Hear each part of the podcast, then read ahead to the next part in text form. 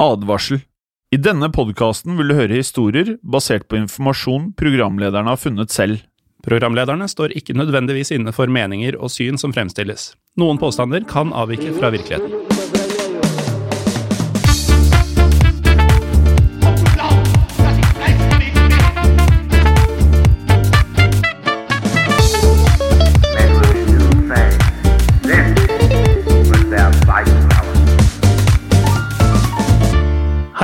Og velkommen til Historiepodden andre verdenskrig, eller som du sikkert leser, Historiepodden WW2. Ja. Jeg heter Morten Galaasen, og med meg har jeg deg, Jim Fosheim. Hallo, Morten. Mitt navn Hallo. er som alltid Jim Fosheim, og jeg har en uh, gledelig nyhet å meddele. Oh, Og det er at uh, på historiepodden andre verdenskrig så har vi nå eh, For dette er jo på disse her stjernene på iTunes, så får du nå Det er liksom en nyhet via Apple. Nå er det ikke bare sånn fire, fire og en halv, fem stjerner i snitt. Nå er det faktisk sånn eh, med eh, litt mer presisjon, så nå er det da fire, fem desimaler? ja, det er eh, det korrekte uttrykket. Og nå har historiepodden VV2 eh, Vi er tydeligvis ikke helt perfekte, har jeg skjønt, ut ifra scoren. Ja ja, det er sant.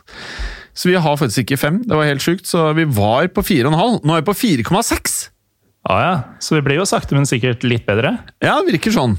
Eh, og med det så eh, ønsker vi også å oppmuntre til at flere kan gå inn på Apple og rate historiepodden andre verdenskrig der sånn. Og så kan man jo også legge inn en kommentar hvis man vil det. Eh, og ønsker du mer enn historiepodden andre verdenskrig, for de av dere som ikke har hørt vår egentlige podkast, som er Historiepodden, som bare heter Historiepodden, så er den også på iTunes og eh, Spotify, og også på Podme. Eh, der du kan høre, jeg tror det ligger nesten 80 er det 70 eller 80 episoder på iTunes og Spotify. Så der er det bare å begynne å jobbe seg gjennom hele biblioteket.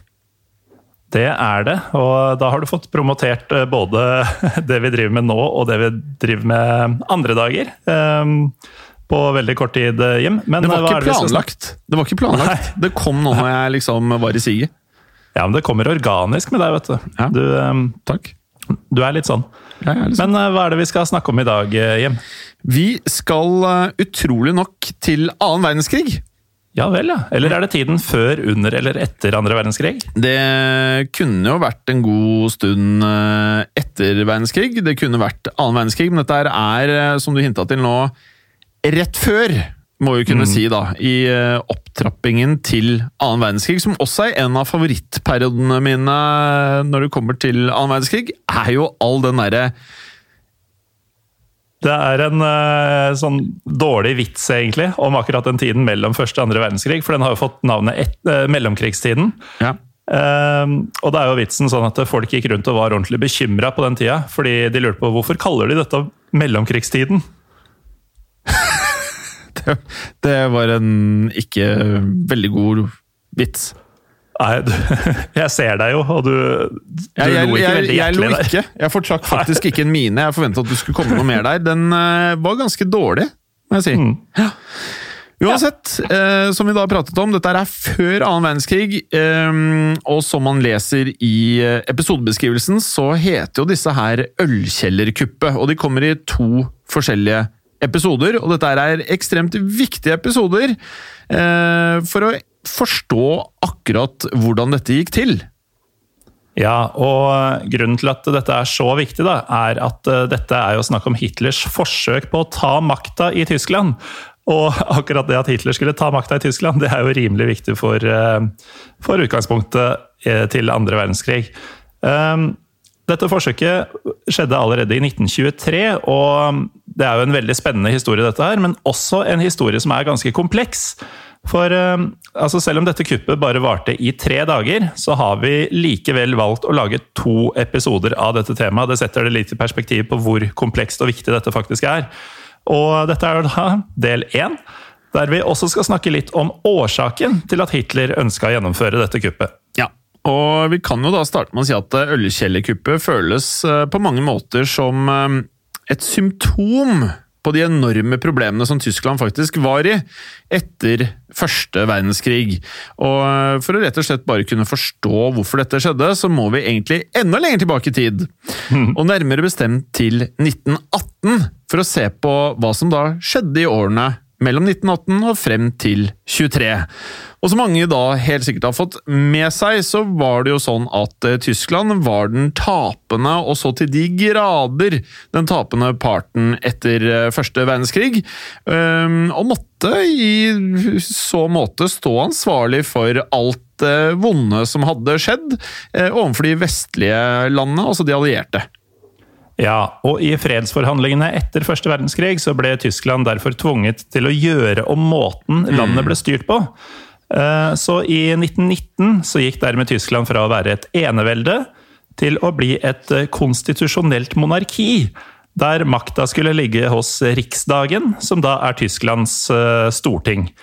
Eh, Og denne nye republikken ble populært kalt Weimar-republikken, oppkalt etter byen Weimar, der grunnloven for denne republikken senere ble vedtatt. Ja, Det er helt riktig, og før de kunne lage denne grunnloven, så måtte de likevel holde et eh, offisielt valg med allmenn stemmerett.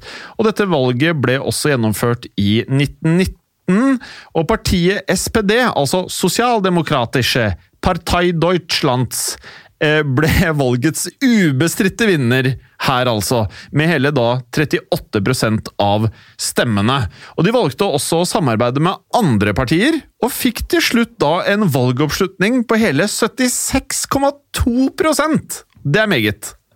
Ja, og som navnet indikerer, så var det altså da sosialdemokrater som satte seg ned for å utarbeide den nye republikkens grunnlov, noe som også da raskt skulle bli tydelig. For eh, denne grunnloven var nemlig veldig sosialdemokratisk, eh, og ble regna som en av datidens aller mest progressive. Blant annet så fikk alle tyskere over 20 år, uansett kjønn, stemmerett, og borgerne fikk en rekke grunnleggende rettigheter som ytringsfrihet, religionsfrihet og likhet for loven. Ja. Men nå hadde det seg slik at denne grunnloven den var ikke foruten svakheter, for eh, den største svakheten var kanskje eh, makten som ble gitt til eh, den sittende presidenten. For ifølge loven så kunne nemlig presidenten kaste den sittende rikskansleren, selv om denne da hadde støtte i Riksdagen. Her må jeg holde tunga litt rett i munnen, da. Og dette bidro i da stor grad til å undergrave selvfølgelig de demokratiske tankene i Tyskland, som i utgangspunktet lå til grunn for den nye republikken. Og I tillegg til dette så ble Grunnloven også kritisert for å åpne opp for en rekke små partier. Eh, Dette skulle også vise seg å skape store problemer senere, da opposisjonspartiene ofte skapte regjeringskriser der regjeringa ikke fikk gjennom noen ting som helst. Og Begge disse to svakhetene ble senere trukket fram av Hitler, da han argumenterte for å fjerne Weimar-republikken. Ja. Og selv om mange i Tyskland var imot hvordan denne grunnloven da faktisk ble utredet, var det likevel ikke før Versailles-traktaten kom på plass at eh, sinnet virkelig kom til overflaten i Tyskland.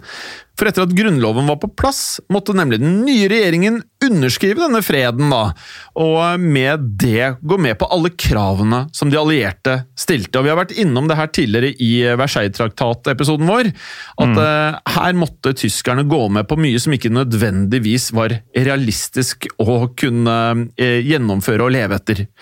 Ja, da- eller som eh, altså, det, det var veldig mange tyskere som følte seg ærekrenka også. Fordi det var jo en eh, avtale som bare overkjørte Tysklands eh, suverenitet på mange måter. Helt riktig, for når regjeringen da fikk lest gjennom hele traktaten, så fikk de seg et voldsomt sjokk. For kravene var langt, langt strengere enn noen i Tyskland hadde kunnet forutse. Ja, og igjen så kan vi jo vise til episoden om Versailles-traktaten, men vi kan gjenta noen av punktene i avtalen her eh, likevel. For Tyskland måtte bl.a. gi fra seg alle koloniene de hadde, og flere viktige grenseområder, i tillegg til å redusere hæren sin kraftig. Og I tillegg så måtte de betale store summer i krigserstatning og redusere sin egen handelsflåte. Ja, og dette her sier seg jo selv er eh, krav som eh, de ikke ønsket eh, i Tyskland. Og med den nye regjeringen så valgte de da likevel å skrive under denne avtalen, selv om det stred imot alle ønsker som var blant tyskerne. Og Man kan kanskje også argumentere for at de rett og slett ikke hadde noe valg i situasjonen de var i på dette tidspunktet. Og flere av punktene i traktaten førte da i årene etter den første verdenskrig til enorme økonomiske problemer i Tyskland. Så den tyske økonomien den eh, hadde jo vært i en eh, sigende kurve nedover da de fjernet eh, gullstandarden på den tyske mark helt tilbake i 1914, men dette her var noe helt annet. Ja, for det var ikke før etter 1918 at det virkelig gikk galt for den tyske valutaen. Da ble det nemlig hyperinflasjon. Og det er et, eh, det er et uggent ord innenfor økonomien, Jim. Det er et veldig uggent begrep, Morten. Og jeg tror mange som er interessert i historie og annen verdenskrig, har nok sett disse skrekkbildene hvor du så det tyske folk gå rundt med trillebårer mm. med kontanter for å kjøpe et brød. Uh, og det er et resultat av at du har en inflasjon som er totalt ute av kontroll. Uh, og Vi har googla litt sånn for å se hva som er den rette definisjonen, og det er litt forskjellige meninger om hva som skildrer en hyperinflasjon, men gjerne at det er over 50% inflasjon på tolv måneder, som er helt vanvittig. Ja, så valutaen mistet hele tiden verdi, og på det aller verste, i 1923 så var én dollar, altså amerikansk dollar, verdt svimlende 4,2 milliarder mark. Og da trenger du mer enn en trillebår, ja, da trenger du lastebil. Så dette var jo selvsagt ikke holdbart, siden man måtte ha med seg ja, en lastebil, som du sier, eh, om man skulle kjøpe seg en pakke egg, eller ja. noe sånt. Og I takt da med det du nevner, og med at det eh, politiske systemet også føltes ustabilt, så økte jo da åpenbart misnøyen blant befolkningen, som allerede var tynnslitt. Så på høyresiden så mente man da at alle disse problemene kunne spores tilbake til nettopp sosialdemokratene og deres eh, intellektuelle på venstresiden, og selvfølgelig, som vi nå godt vet, så la de mye av skylden på jødene. Og en av dem som tenkte i nettopp disse baner, var jo da soldaten, vel å merke, Adolf Hitler. For Adolf Hitler han mente at alle de som hadde underskrevet Versailles-traktaten, måtte bli regnet som landsforrædere og svikere av Tyskland. Ja, og Hitler han hadde jo kjempa sammen med den tyske hæren under den første verdenskrigen, selv om han da hadde østerriksk eh, statsborgerskap. Så da han etter krigen så hva den tyske regjeringa gikk med på under fredsforhandlingene, så kalte han da disse regjeringsmedlemmene for kommunister og marxister. Ja, og Hitler han mente at eh, spesielt hæren hadde blitt sviktet av regjeringen under fredsforhandlingene, noe han da ikke var alene å mene om i Tyskland. Dette er litt sånn viktig å huske på, at eh, selv om Hitler var den som pisket opp stemningen på denne tiden, så var det mange som delte lignende syn som Adolf Hitler på denne tiden. Mm. Og etter krigen så eh, valgte likevel Hitler å fortsette i hæren, nærmere bestemt i den tyske byen Munich, og I denne perioden så deltok Hitler på en rekke forskjellige foredrag om nasjonalisme, gjerne da arrangert av kaptein Karl Mayr, som da var høyt oppe i den bayerske hæren. Og det var på nettopp disse foredragene at Hitler for første gang begynte å drømme om å ta landet i en helt ny retning, noe som han da også skulle forsøke å gjøre bare noen år senere. Så etter å ha vært på flere av disse foredragene, så bestemte han seg for å slutte seg til Karl Maier og bli Karl Maiers hemmelige agent. Og Maier delte alle Hitlers nasjonalistiske ideer og tanker, og det ble bestemt at Hitler skulle spionere på de ulike politiske fraksjonene i området for å danne seg et bilde og en oversikt av den politiske situasjonen. Ja, og det skjønner man jo godt at han ønsket. Og med det så var det faktisk slik at eh, Hitler han infiltrerte bl.a. Eh, et mindre parti ved navn DAP, som var det tyske arbeiderpartiet. Og nærmere bestemt 12.9.1919 så deltok Hitler på sitt første møte i DAP.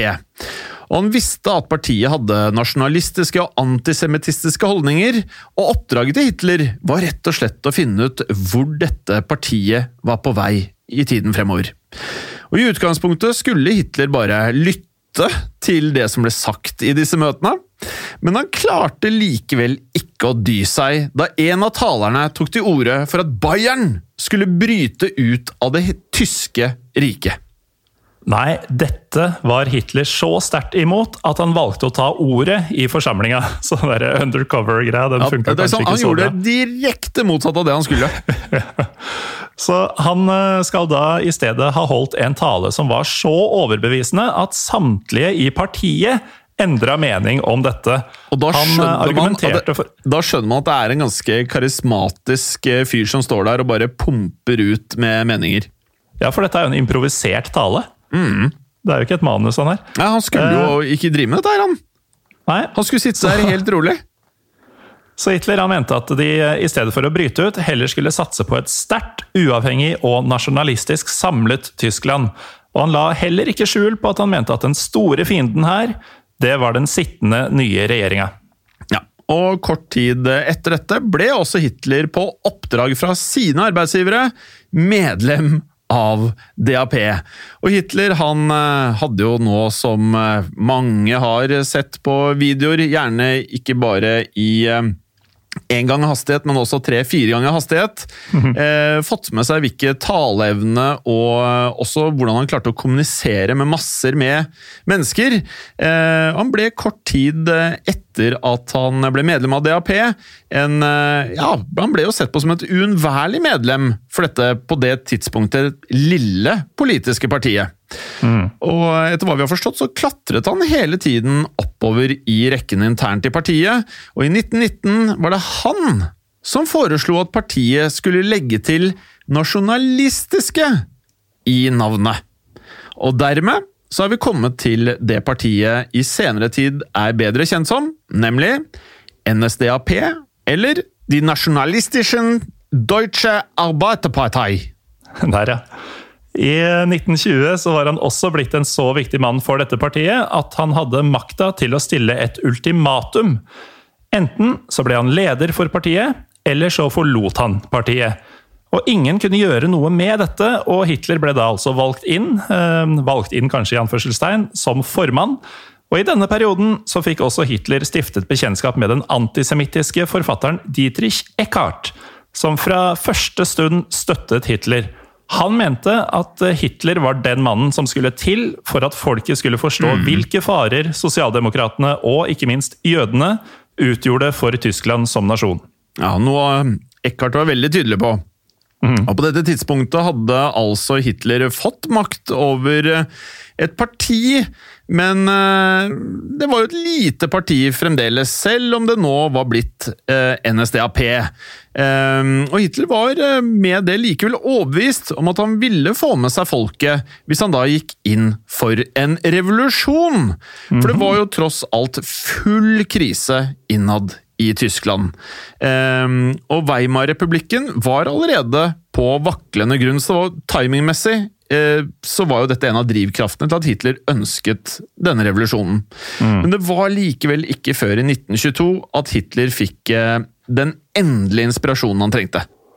Nei, og det som skjedde i 1922, det var at uh, mellom 25 og 30 000 fascistiske soldater marsjerte mot Italias hovedstad Roma. Og de var, i likhet eh, med Hitler og hans parti, lei av hvordan deres land ble styrt, og ønska å ta over makta. Og de fleste historikere mener at denne hæren av svartskjorter, som de ble kalt, kunne ha blitt stoppet av den italienske hæren, men pga. ubesluttsomheten fra den sittende statsministeren Luigi Facta, så klarte de likevel å komme seg helt inn til Roma. Dette førte igjen til at Fakta måtte gå av som statsminister, og at den fascistiske lederen Benito Mussolini tok over makten i landet den 31. oktober 1922. Og denne maktovertagelsen gikk eh, så smertefritt, eh, Morten, at det var dette som ga Adolf Hitler eh, troen han trengte på at han kunne gjøre akkurat det samme i Tyskland. For eh, misnøyen i Tyskland var tross alt, eh, etter Hitlers eh, mening, enda større enn han hadde vært i Italia før kuppet. Så han kunne ikke fatte annet enn at han ville ha hele det tyske folket på sin side. Nei, og med det nærmer vi oss jo starten på det som er det virkelige temaet for denne episoden, nemlig selve ølkjellerkuppet. Men eh, før vi går videre med fortellinga om selve kuppforsøket, så må vi få klarhet i hvilken rolle øl spiller i dette her. Ja. Eh, For Tyskland på 1900-tallet og Tyskland i dag, det er to ganske forskjellige land. Men det er likevel én ting som binder dem eh, sammen. For eh, da, eh, som nå, var tyskerne særdeles opptatt av øl. Men Morten, før vi nå beveger oss eh, inn i eh, øl og hva øl har med dette å gjøre, hva er, eller hva blir ølkjellerkuppet på tysk? Det blir eh, Bierkellerputsch. Putsch? Bier Putsch, ja. Kellerputsch. Ok? Ja. Det har faktisk et par andre navn også på tysk, fordi ja. det kalles også Hitler-Ludendorff-Putsch. Eh, Og det kalles Marsch auf die Feldherrenhalle. Men det er jo da Bierkellerputsch og ølkjellerkuppe som klinger best i, eh, oss. Ja. Og jeg har jo vært i München, og jeg kan bekrefte at det er vanvittig med ølhaller og biergartens, altså ølhager.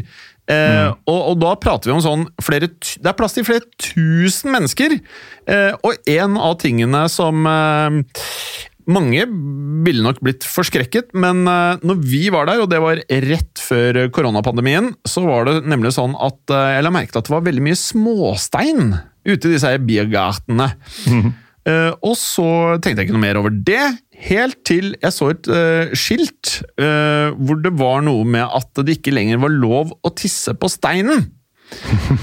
Og så tenkte jeg ikke mer over det. Vi satte oss ved et eh, svært flott bord i nærheten av eh, noen tyskere med noen, eh, hva jeg vil anta er nasjonaldrakter. Og så plutselig så begynte han ene å, å, å tisse mens han satt ved bordet sammen med to andre karer. Og han satt og drakk øl mens han tisset. Og da måtte jeg jo finne ut av hva i all verden var som foregikk. Hva er det jeg har vært vitne til? Ja, hva er det som skjer her? Og det som skjer, er at i gamle dager, en lov som da ble endret, var at du istedenfor å I og med at du drikker eh, store mengder øl, og da prater vi ikke om sånn som i Norge hvor du da kjøper 03 eller 05, du får Jeg lurer på om det er 08 eller liter Jeg tror det er liter, ja, faktisk. Ja, litersglass! Og de sitter gjerne og tar to, tre, fire sånne av gangen. Så i stedet for å gå ut og drive og stå i kø på toalettet, så sitter du like gjerne ved benken der og bare tisser. Så det de da har, er en sånn herre Eh, eh, lærflaps, eller lærting, som de bare da drar ut fra foran, på en måte, rett foran eh, skrittet. Altså, Du Og- snakker om ja. der vi vanligvis ville hatt glidelåser, så har de den Ja. lærflapsen. Ja. Leda, lederflapsen. Og der eh, er eh, utstyret rett og slett, eh, hvis jeg forsto det rett Når du da først har åpnet læreflapsen, så er det ikke nødvendigvis sånn at du bruker mye tid på å få læreflapsen igjen. Så der er utstyret hengende, og der kan du tisse litt når du trenger. Vet du hva det her høres ut så, som for meg? Eh, høre. når du ser på sånne gamle Donald-tegnefilmer og sånn, uh, så er det sånne uh, eh, pysjamas, sånn onepiece-pysjamas nærmest, og så er det sånn knapper til en åpning bak. Ja, ja. Uh, sånn, hvis du skal gå på do om natta, så kan du bare åpne den. Det er litt sånn den bare foran. Ja, det var en veldig god beskrivelse. Og så kunne du da se når flere av de gutta også begynte å pisse. Så det lysebrune skinnet ned mot eh, skoene, det ble jo fort eh, mørkt. Og da vil jeg tolke det som at det rikosjettet urin fra steinen opp på læret. Men uansett så er det ikke bare i München det er Biergartens og Bierhallen. For over hele Tyskland er det store mengder med ølhaller. Eh, og her eh, er det jo høy grad av drikkekontyme blant eh, innbyggerne. Og her kunne de møtes, de kunne drikke, og de hadde gjerne flotte, innholdsrike diskusjoner. Og disse hallene var nemlig også en av de viktigste arenaene for å snakke politikk. Ah. Sånn at, mm, så her begynner man nå å kunne legge sammen hvorfor disse ble så viktig for Hitler og det han skulle gjennom. For eh, hvis landets ledere skulle møtes for å diskutere et politisk problem, var det derfor langt fra uvanlig at man gjorde det på disse biergartsene. Eller bierhallen. Så det er også grunnen til at nettopp en slik ølhall ble Hitlers eh, hovedmål i kuppforsøket i 1923. Men dette kuppet skal vi prate om etter en liten pause. Velkommen tilbake. Vi er på del eh, to av del én av to episoder, blir ikke det riktig? Av, eh, om ølkjellerkuppet. Uh, før pausen så snakka vi mye om veien fram mot dette kuppforsøket. Vi snakka også om hvordan misnøyen i Tyskland vokste etter Versailles-traktaten, og hvordan Hitler jobba seg opp til å bli leder for det nasjonalistiske tyske Arbeiderpartiet. Ja, Vi nevnte også Morten, at Hitler ble inspirert til å gjennomføre dette statskuppet da han fikk høre om Benito Mussolinis vellykkede kupp i 22. Eh, og Med det så trodde han da at eh, året etter 1923 at han da hadde alle forutsetninger til å klare å gjennomføre et minst like vellykket kupp i Deutschland. Og selv om inspirasjonen da altså var der i 1923, så måtte Hitler likevel finne ut av hvordan han skulle klare å gjennomføre, praktisk sett, kuppet. Ja, I første omgang så ønsket Hitler å mane folket i Bayern. altså Vi har snakka om at han var i byen München. Bayern er da delstaten eller regionen som München ligger i, sør i Tyskland. Han ønska å mane folket der til krig mot institusjonen som var Weimar-republikken. Han annonserte dermed at han ønsket å holde 14 forskjellige folkemøter, der folket kunne høre hans tanker og visjoner om et nytt og selvfølgelig bedre Tyskland. Han ville også snakke om landets forfatning og hvordan de skulle reparere det som var blitt ødelagt. Ja, og Målet med nettopp disse møtene var jo da å overbevise folket om at landet trengte en revolusjon, og at den revolusjonen da måtte starte med å kaste den sittende regjeringen av sosialdemokrater. Og Hitler var fullstendig klar over at han var en god taler, og tvilte ikke et sekund på at han ville klare å overtale alle de som møtte opp. Men Morten, ting gikk jo likevel ikke helt etter planen for Hitler og NSDAP. Nei, for kort tid før Hitler annonserte disse møtene, så hadde nemlig Bayerns statsminister Eugen, eller Eugen von Knilling, erklært unntakstilstand i den tyske delstaten, altså Bayern, pga. økende urolighet i området. I tillegg hadde han også utnevnt nasjonalisten Gustav Ritter von Kahr til statskommissær, og med det gitt von Kahr frie tøyler til å styre over befolkninga. Ja, og da von Kahr fikk høre om Hitlers planer om disse folkemøtene, så bestemte han seg straks for å forby disse. Han argumenterte for at møtene bare ville føre til enda mer uro i Bayern, og at Hitler ikke var en mann han eller folket kunne stole på. Og dette gjorde selvsagt Hitler rasende, og han begynte straks å tenke på andre måter å få til en revolusjon på, og han visste at han kanskje ble nødt til å marsjere mot den sittende regjeringen helt alene, men gjorde likevel et siste forsøk på å få von Kahr over på sin side. Ja, for Kahr han var tross alt enig med Hitler med at Tyskland måtte gå i en ny nasjonalistisk retning. Og Kahr hadde også flere ganger uttrykt sin misnøye overfor det han mente var en blodrød regjering i Berlin. Det var derfor naturlig for Hitler å tenke på Kahr som en alliert.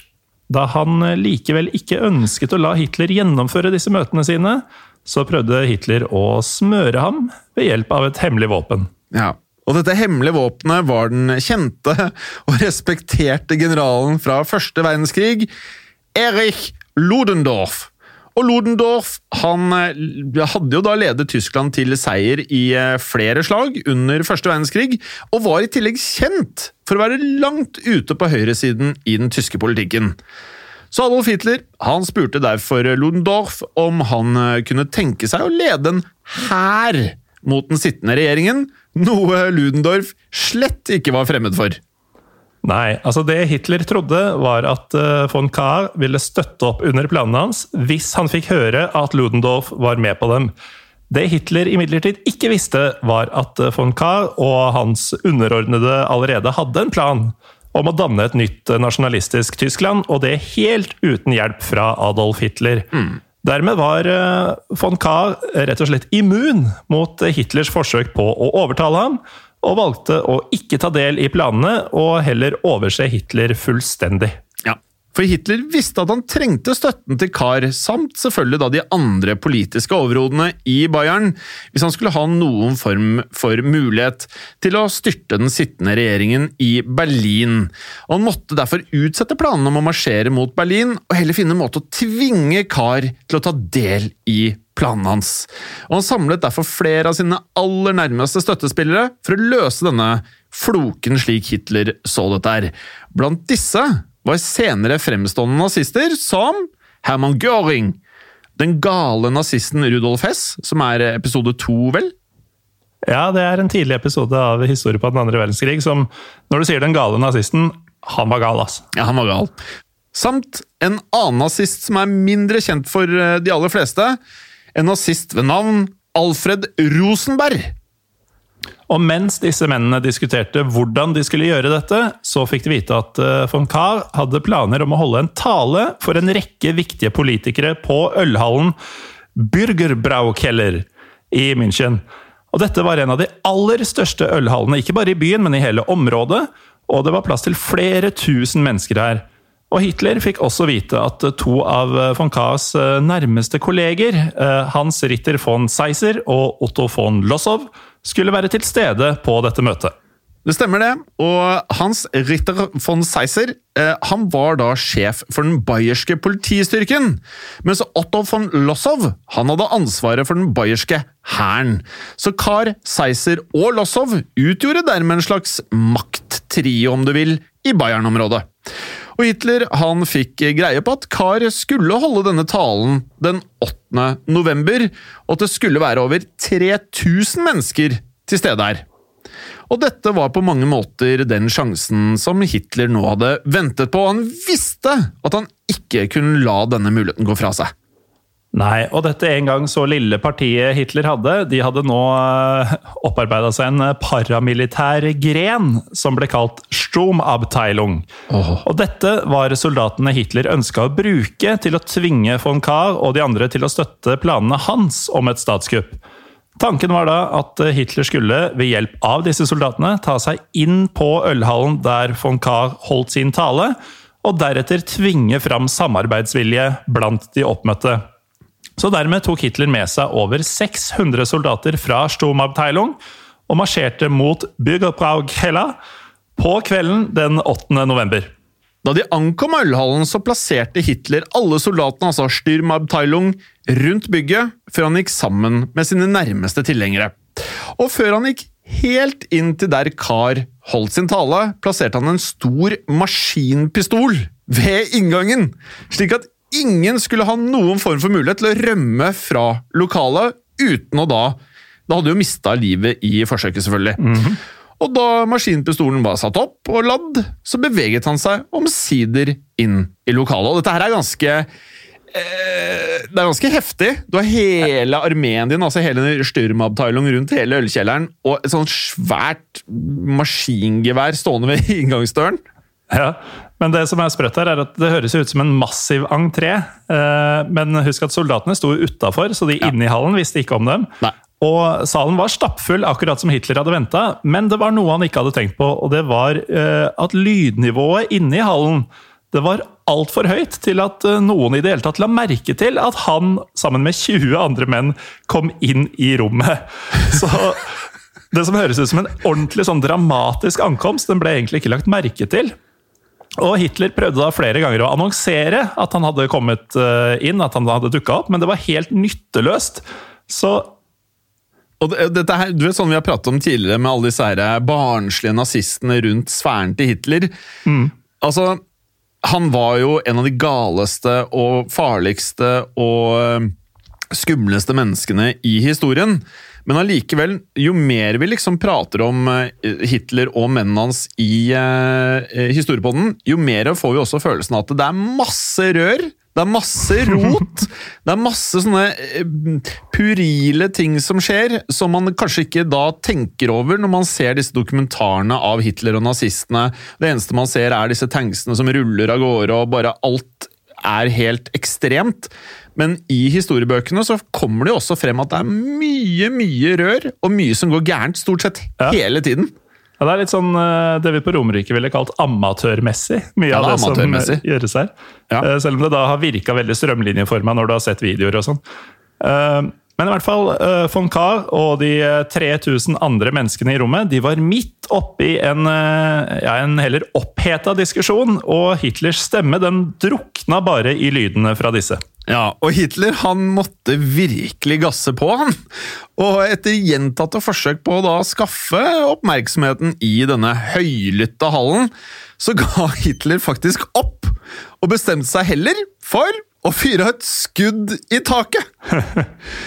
Eh, og pistolskuddet det ga en eh, effekt som Hitler ønsket, eh, for den høylytte diskusjonen den stilnet faktisk umiddelbart. Og alle øynene var nå rettet mot Adolf Hitler, som var også der pistolskuddet kom fra. Og Hitler han hoppet rett opp på en stol og erklærte at den nasjonale revolusjonen nå var i gang. Ja, og det, altså, det blir jo litt forfjamselse her, så det tok noen sekunder før menneskene i denne ølhallen skjønte hva som faktisk hadde skjedd. Men eh, de fikk jo likevel raskt øye på Hitler og hans menn, og hørte da motvillig, må man jo kunne si, på det Hitler hadde å si. Eh, Hitler fortalte så videre at bygninga var omringet av hans soldater, nevnte Sturmabteilung, og at hvis noen prøvde å stikke fra lokalet, ville de bli skutt av en maskinpistol ved inngangen. Ja, og etter at Hitler hadde gitt alle disse beskjedene, så henvendte han seg direkte mot Karr og de andre lederne, og fortalte at denne revolusjonen også betød at den bayerske regjeringen nå var blitt avsatt, og erstattet med et nytt styre som skulle ledes av Ludendorff. Og da Hitler hadde gjort seg ferdig, så var det von Kahrs tur til å snakke. Så han spurte rolig om hva alt dette spetakkelet egentlig betydde, men eh, klarte likevel ikke å skjule sitt uh, sinne. For Kahr hadde nemlig bare noen dager før dette bedt uh, Lossow om å oppsøke Hitler for å få en bekreftelse på at Hitler ikke planla et kupp. Og Hitler hadde da gitt sitt ord på at uh, han ikke under noen omstendigheter ville prøve å overstyre von Kahr og hans regjering. Ja, Hitler han ønsket ikke at Kahr skulle få for mye taletid foran de fremmøtte, og rettet derfor pistolen sin mot han, Lossow og Seiser. Og Deretter eh, så ba han dem følge med han eh, inn på et privat rom, slik at de kunne snakke sammen der. Og Hitlers plan gikk jo nå tross alt ut på å få disse menneskenes underskrift på at de godtok dette kuppet, og at de fredelig skulle gi fra seg makten. Han skjønte da at dette ville bli lettere hvis de da ikke hadde dette store publikummet, derav denne private samtalen i et eget rom. Ja, og Da Hitler da hadde fått disse tre herrene med seg inn på et naborom, så begynte han med overtalelsen. Han forklarte at de alle sammen ville få en ny stilling i det nye regimet, men at de ikke lenger skulle ha makta. Han gjentok flere ganger at de tross alt hadde et felles mål, og at uh, om de ønsket et sterkt og samla Tyskland, så burde de samarbeide. Von Kahr fortalte deretter at han ikke under noen omstendigheter kom til å støtte dette kuppet. Ja, og dette var jo en enorm skuffelse for Hitler, men eh, allikevel, så vidt vi har forstått, ikke helt uventet. For Hitler visste at Kahr ville være en eh, tøff nøtt, og han hadde derfor planlagt for scenario som akkurat det som utspilte seg. Hitler fortalte at han hadde fire kuler igjen i pistolen, og at disse kulene ville bli brukt om de ikke samarbeidet. Så en av kulene var altså til Kar, en annen for Lossov og en for Seiser. Og den siste for han selv om dette gikk ikke etter planen. Så det er ganske heftig melding å få for disse karene her. Ja, At det var en fjerde kule der, når de bare var tre stykker han prøvde å overtale, det hadde nok en viss uh, Effekt, ja. ja. Og, og det hadde den, eh, for så vidt. Denne trusselen hadde en viss effekt på de tre mennene. eh, Men likevel så samla Kahr mot og nektet nok en gang. Han fortalte Hitler at eh, han gjerne måtte skyte han, fordi han aldri kom til å støtte en regjering der Hitler selv hadde en maktposisjon. Så Kahr viste seg altså å være enda mer standhaftig enn Hitler hadde forestilt seg. Og samtidig som Hitler drev da med disse forhandlingene med de tre mennene, begynte også stemningen i resten av ølhallen å bli langt dårligere. Og selv om Hitler hadde utplassert da omkring 20 menn med gevær inne i hallen, klarte de likevel ikke å holde forsamlingen rolig spesielt lenge. Og flere av gjestene begynte å protestere høylytt, og det ble tydelig for Hitlers menn at de snart ville miste total kontroll her. Ja, og disse urolighetene de kjente også Hitler på kroppen inne i naborommet. For fra det rommet han hadde samla Kahr og de andre, så kunne han godt høre de 3000 tilskuernes opptøyer. Så Hitler han følte seg pressa opp i et hjørne og visste nå ikke helt hva han skulle gjøre. For planen den hadde jo ikke gått slik som han hadde tenkt i det hele tatt, og han var nødt til å finne på noe lurt om ikke hele kuppet skulle gå i vasken før det i det hele tatt hadde begynt. Og um, der, kjære lyttere, nå merker dere jo at det bruser litt i kroppen deres. Nå er dere klare til å liksom vite hva skjer nå. Så dette virker som et godt sted for en cliffhanger. Ja, det er helt riktig. For akkurat nå så valgte Morten og jeg å bare sette en strek for første delen av eh, ølkjellerkuppet, eller bier... Bierkellerputsch. Keller Putsch. Hva var det andre ordet? Ja, nå husker jeg ikke, men eh, Putsch er jo det beste. Biekelaport. Eh, men eh, som dere da vet, så er det jo ikke mer enn en uke til dere får høre del to av. Eh,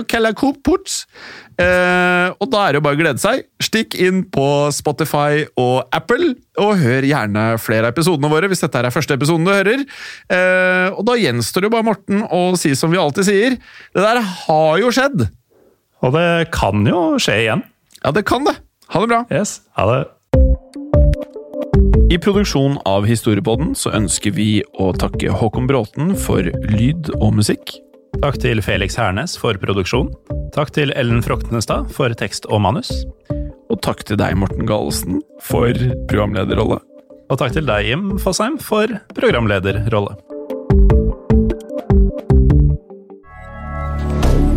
Moderne media. Kiwi er billigst i VGs matbørs og har vært billigst i fire av de fem siste VGs matbørser. Og nå presser vi prisene på frukt og grønnsaker. På 200 gram broccolini setter vi prisen til 24,90. På 400 gram Cevita blåbær setter vi prisen til 49,90. Og husk, alle Kiwi Pluss-kunder får i tillegg 15% trumfbonus på all fersk frukt og grønt. For det er vi som er prispresserne. Og vi i Kiwi gir oss aldri på pris.